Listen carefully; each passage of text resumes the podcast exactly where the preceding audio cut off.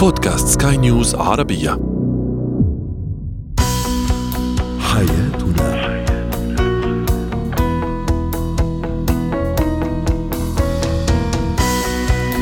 مستمعينا الكرام أهلا بكم إلى برنامج حياتنا برنامجكم اليومي الذي يعنى بشؤون الأسرة وباقي الشؤون الحياتية الأخرى والذي يمكنكم الاستماع إليه عبر منصة البودكاست لسكاي نيوز عربية. معي أنا طيبة حميد. نتحدث اليوم عن تأجيل حفلات الزفاف بسبب فيروس كورونا وتأثيره النفسي على الشريكين. وكيف يمكن أن نعالج الخوف لدى الأطفال أثناء النوم؟ ونسلط الضوء أيضا على مهارات العمل عن بعد. هو وهي.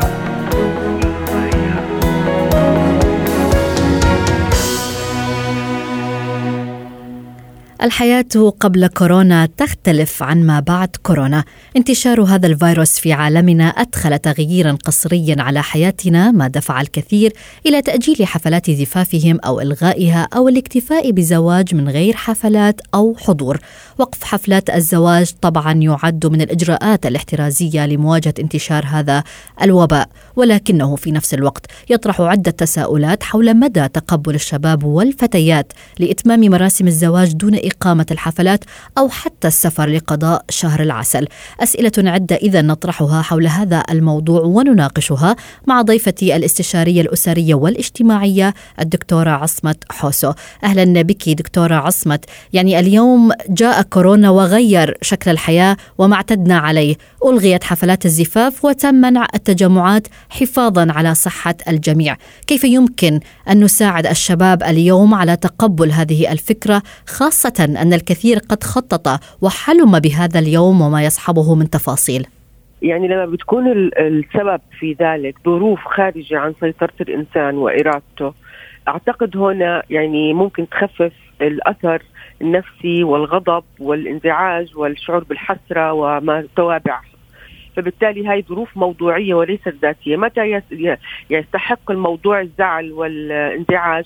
إذا كانت مثل ما كنا نشهد سابقا مشاكل أهل مشاكل بين العريسين و و لكن هاي ظروف موضوعية كارثة طبيعية اجتاحت العالم بأسره. فأعتقد لما يبلش يفكروا التنين بهاي الطريقة ببلشوا شوي شوي يهدوا إنه الموضوع خارج عن إرادتهم. هذا أولا. رقم اثنين تذوب المصلحة الشخصية أمام المصلحة العامة.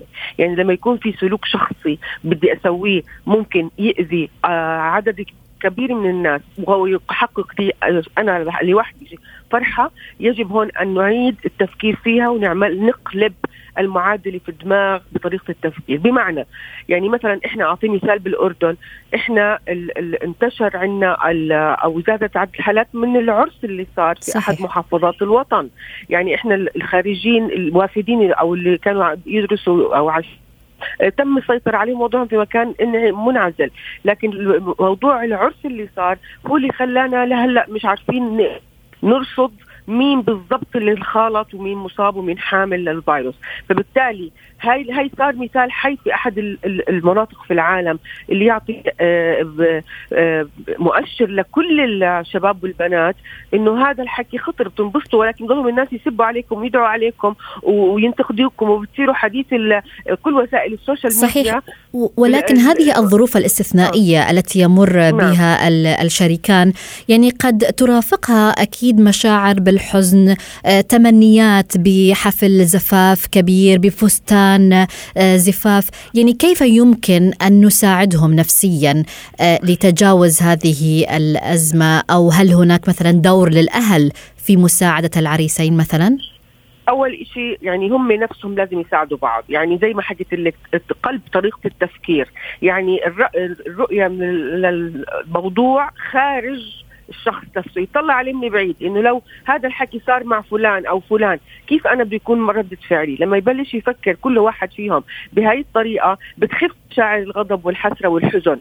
هذا اولا. اثنين اثنين بدعموا بعض. إذا كانوا الهدف إنهم يعيشوا مع بعض ومستعجلين على هذا الموضوع آه، بإمكانهم إنهم يعيشوا هاي اللحظة بدون بدون حفل بدون آه، آه، مخالطة ويروحوا لبيتهم. إذا كانوا ما عندهم مشكلة بالسرعة فبالتالي بيقدروا يستنوا لا تنتهي الأزمة. هلا هاي الأحلام طبيعية ولكن هاي وشعور الحزن مبرر. لكن غير مبرر استمراره تصاعده أو آه، عقاب آه، يعني إلقاء اللوم أو غالبا الإنسان اللي عندما يشعر في الغضب يتعطل المنطق ويبدأ في إسقاط الغضب على الآخرين وكأنه هناك شخص أو جهة مسؤولة عن هذا الموضوع. فقلب طريقة التفكير على مستوى ذاتي كثير مهم. النظر للموضوع خارج الصندوق على إنه هذا ظرف موضوعي خارج عن سيطرة الإنسان. ثلاثة موضوع الدعم لبعض.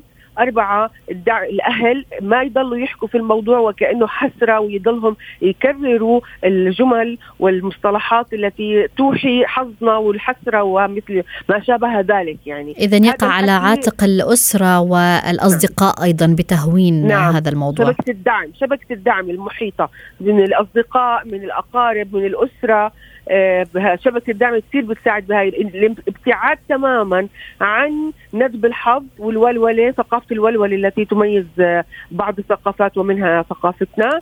فبالتالي هون لما يبلشوا يحكوا بطريقة إيجابية يبلشوا يحكوا بطريقة آه، فيها مصلحة خاصة ومصلحة عامة ما يبتعدوا تماما عن الحكي السلبي هون شوي بيخفف عليهم الوطأ شكرا لك على كل هذه التفاصيل الاستشارية الأسرية والاجتماعية دكتورة عصمت حوسو.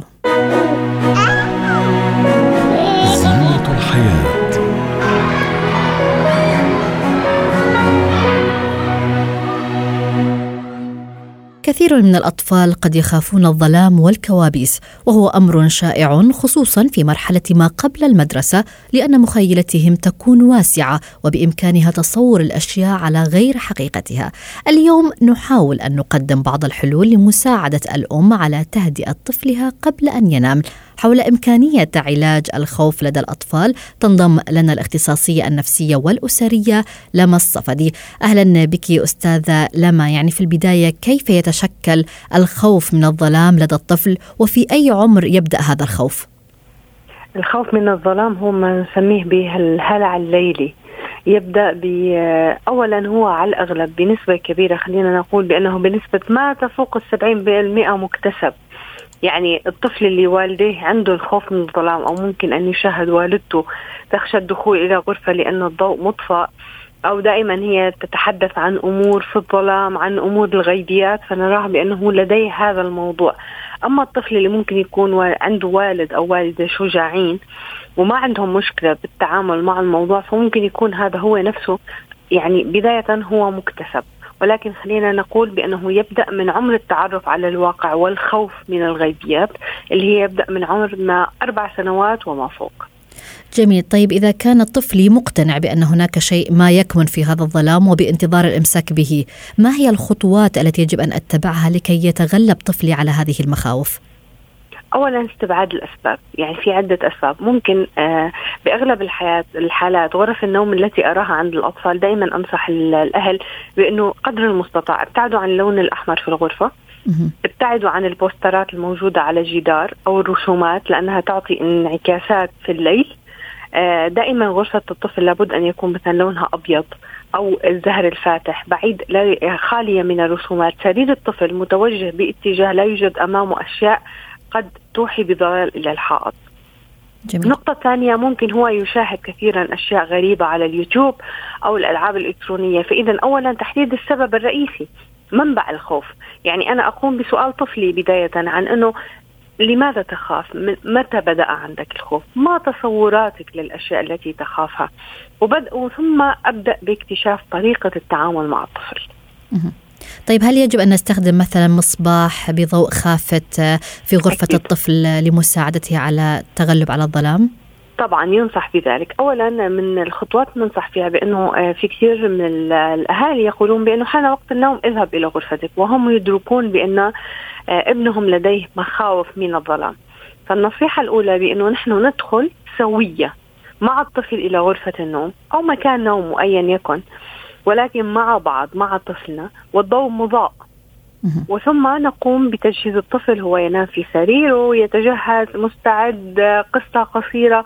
فبالتالي الأمور هو الآن يشعر بحالة سكينة نفسية.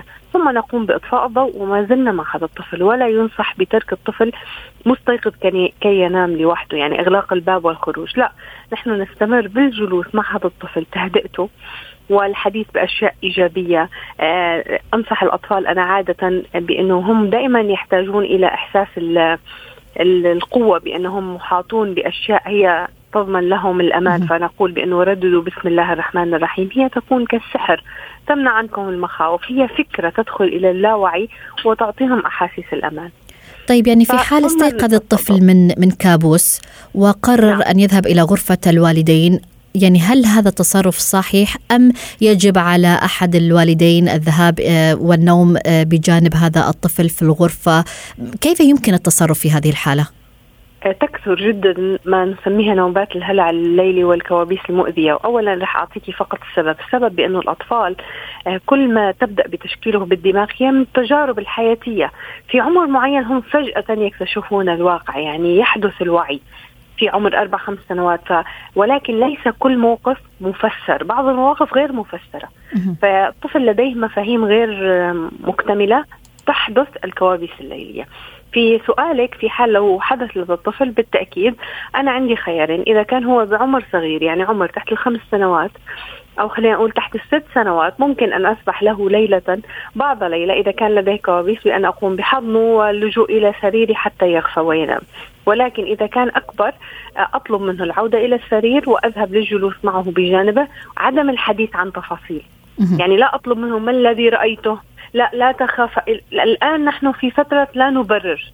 نحن فقط نهدئ الطفل طب ماذا لو تحدث الطفل مثلا عن مخلوقات خيالية أو مثلا يعني تهيأ له أنه آه، رأى وحش آه، شبح. هل يجب أن أقول له سأدمر هذا المخلوق أو دعني أتأكد من عدم وجود مثلا وحوش تحت السرير؟ لا الفكرة نقوم بإضاءة الضوء. هون الطفل أطفالنا أذكياء.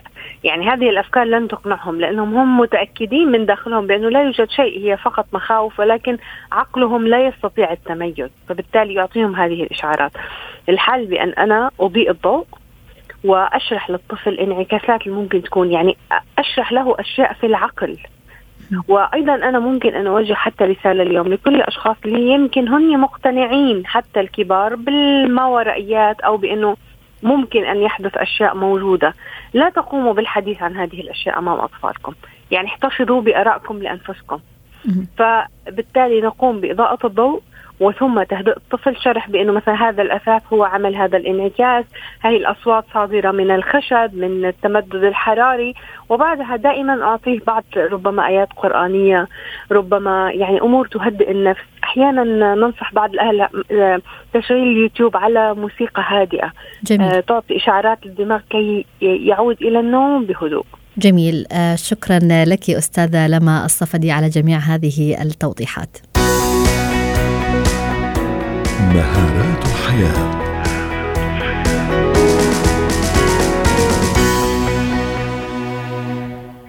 حل كورونا على العالم كضيف غير مرغوب به فقلب الأمور راسا على عقب. الانتشار السريع لهذا الفيروس جعل الحكومات تلجأ إلى حماية مؤسساتها وموظفيها وذلك من خلال إنجاز مهام العمل من المنزل. اليوم بالفعل الكثير من الموظفين وجدوا أنفسهم في مواجهة تجربة جديدة كليا وقد لا تكون مريحة للبعض منهم خاصة لمن يخوض هذه التجربة للمرة الأولى. لجعل هذه التجربة اذا أكثر إنتاجية نناقش هذا الموضوع مع ضيفي ألين ولي مستشار دولي ومدرب مهارات. حياة. أهلا بك أستاذ ألين يعني شكل حياتنا قد تغير اليوم بالفعل بعد انتشار وباء كورونا. العديد من الشركات الكبيرة والصغيرة أصبحت تطبق سياسة العمل من المنزل لضمان سلامة موظفيها من العدوى. ما هي أبرز المهارات التي يجب أن نتحلى بها لتحقيق الإنتاجية اللازمة من المنزل؟ يعني هل هناك أمور ضرورية يجب تجهيزها من قبل الشركة والموظفين قبل البدء من المنزل؟ طبعا الشركات الذكية اللي تستخدم حاليا هذا الأسلوب مش بس إنه تخلي ال business ماشي على وضع الطبيعي ولكن كذلك رفع الروح المعنوية للموظفين. ف مو بس يستخدموها عشان ال business وال meetings والكذا جميل. ولكن اولا رفع الروح المعنوية، ثانيا آه، يطمنون الموظفين تبعهم باللي دا يحصل وثالثا دي يستخدموها كطريقة إنه يعطون الإرشادات والنصائح آه والمفروض أن يعملوا الموظف. بالتأكيد ال IT طبعا لازم يستخدم طرق عديدة. من عندها التليفون من عندها وسائط ال Skype أو ال Zoom أو الكذا. هذا تابع للشركة. والجميل في هذه كلها إنه ما تكلف أي شيء آه كل اللي يحتاج لك إنه ال WiFi وال laptop. بس طبعا في آه في مثلا عندك ال Zoom. تقدرين تحولين تفرجين الباوربوينت في الإيميل في الواتساب في آه هذا الفيروس مش فيروس طبي وإنما فيروس اقتصادي ولكن الحمد لله بالتكنولوجيا نقدر نتغلب على كل هذه الشغلات. جميل. طيب كيف يمكن أن ننظم العمل ونضمن الإنتاجية ونحن في المنزل مع وجود أفراد من العائلة أيضا وخاصة مع وجود الأطفال؟ بالضبط. هون طبعا لازم يكون في شوية مرونة ولذلك كثير من الشركات بيستخدموا ال flexible timing. ال flexible timing شو هذا؟ إنه انت ما تقدرين تقولين للطفل لا لا تلعب لا لا تصحى بالساعة كذا أو تنام بالساعة كذا لأن هم كذلك الروتين تبعهم تغير. صحيح. فال flexible ال planning أو ال timing إنه طيب أنا أحتاج من عندك هذه الإنتاجية أو هذه الإنتاجية أحتاجها في خلال هذا اليوم أو في خلال هذه الساعة.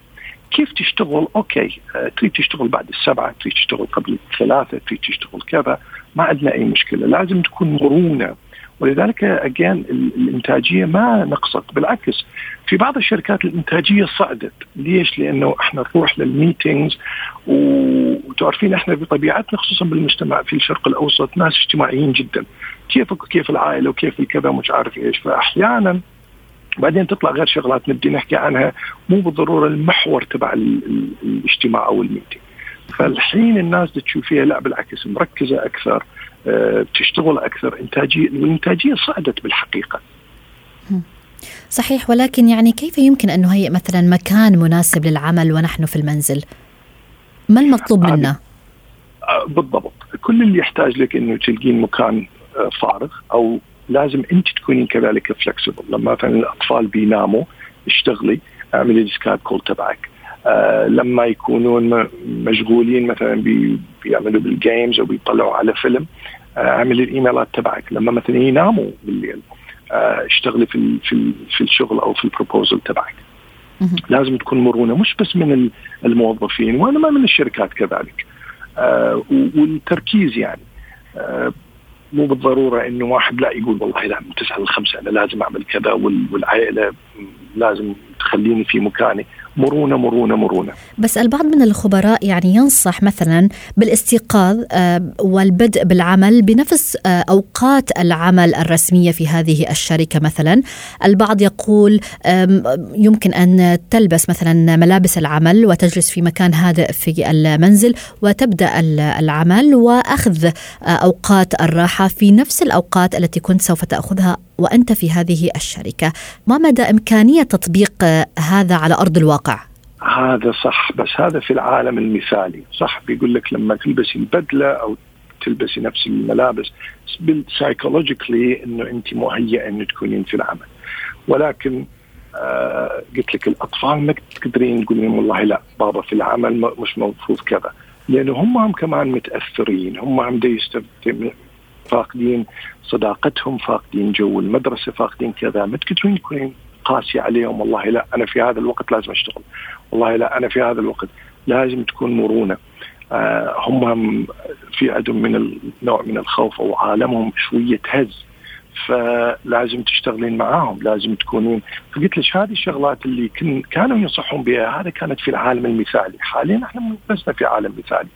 ولذلك أرجع وأقول المرونة وال flexible timing وأهم شيء ال deliverables أنا لما أطلب من عندك إنتاجية محددة في الوقت الفلاني إذا أعطيتني هذه الإنتاجية في الوقت الفلاني مو بالضرورة إنه والله لا إنه من الساعة 9 للساعة 5 لازم أنت تكون قاعد على المكتب تبعك أو قاعد في مكان خالي.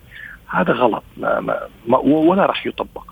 وخصوصا بالنسبة للأمهات. بالنسبة يعني هذا الكلام يقودني إلى فكرة الالتزام بآداب العمل. هل هناك آداب للعمل يجب مراعاتها أثناء العمل من المنزل؟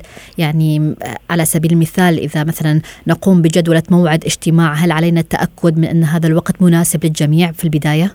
أكيد. في شغلة ثانية في كذلك في الضمير المهني خلينا نقول في علم النفس. والضمير المهني إنه مش عشان إنه والله أنا مو بالضرورة أكون بالمكتب خلص. هي ليست آه، عطلة أو إجازة. هي كل ما هنالك إنه مكان العمل تغير بسبب الظروف ومع الأسف هذا الفيروس. صحيح. فأكيد لازم يكون عندنا آه، في هذا الوعي آه، وكذلك لازم يكون عندنا. في مثلا على الساعة كثير من الشركات مثلا ما تبدي ال Skype call تبعها لحد الساعة 11 ليش؟ لأنه بيقول لك إلى أن يقعدوا الأطفال إلى أن يستقرون إلى أن كذا. midday دائما يكون وقت جيد mid afternoon دائما يكون وقت جيد. في بعض من الشركات آه، مثلا الفرع الرئيسي تبعهم في أوروبا أو في في أمريكا.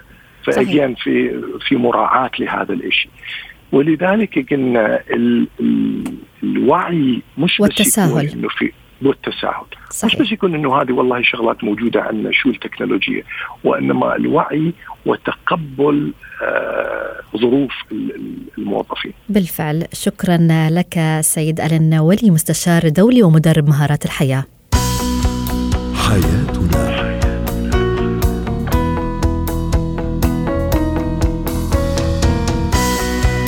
ناتي وإياكم مستمعينا الكرام إلى ختام برنامج حياتنا غدا حلقة جديدة. حياتنا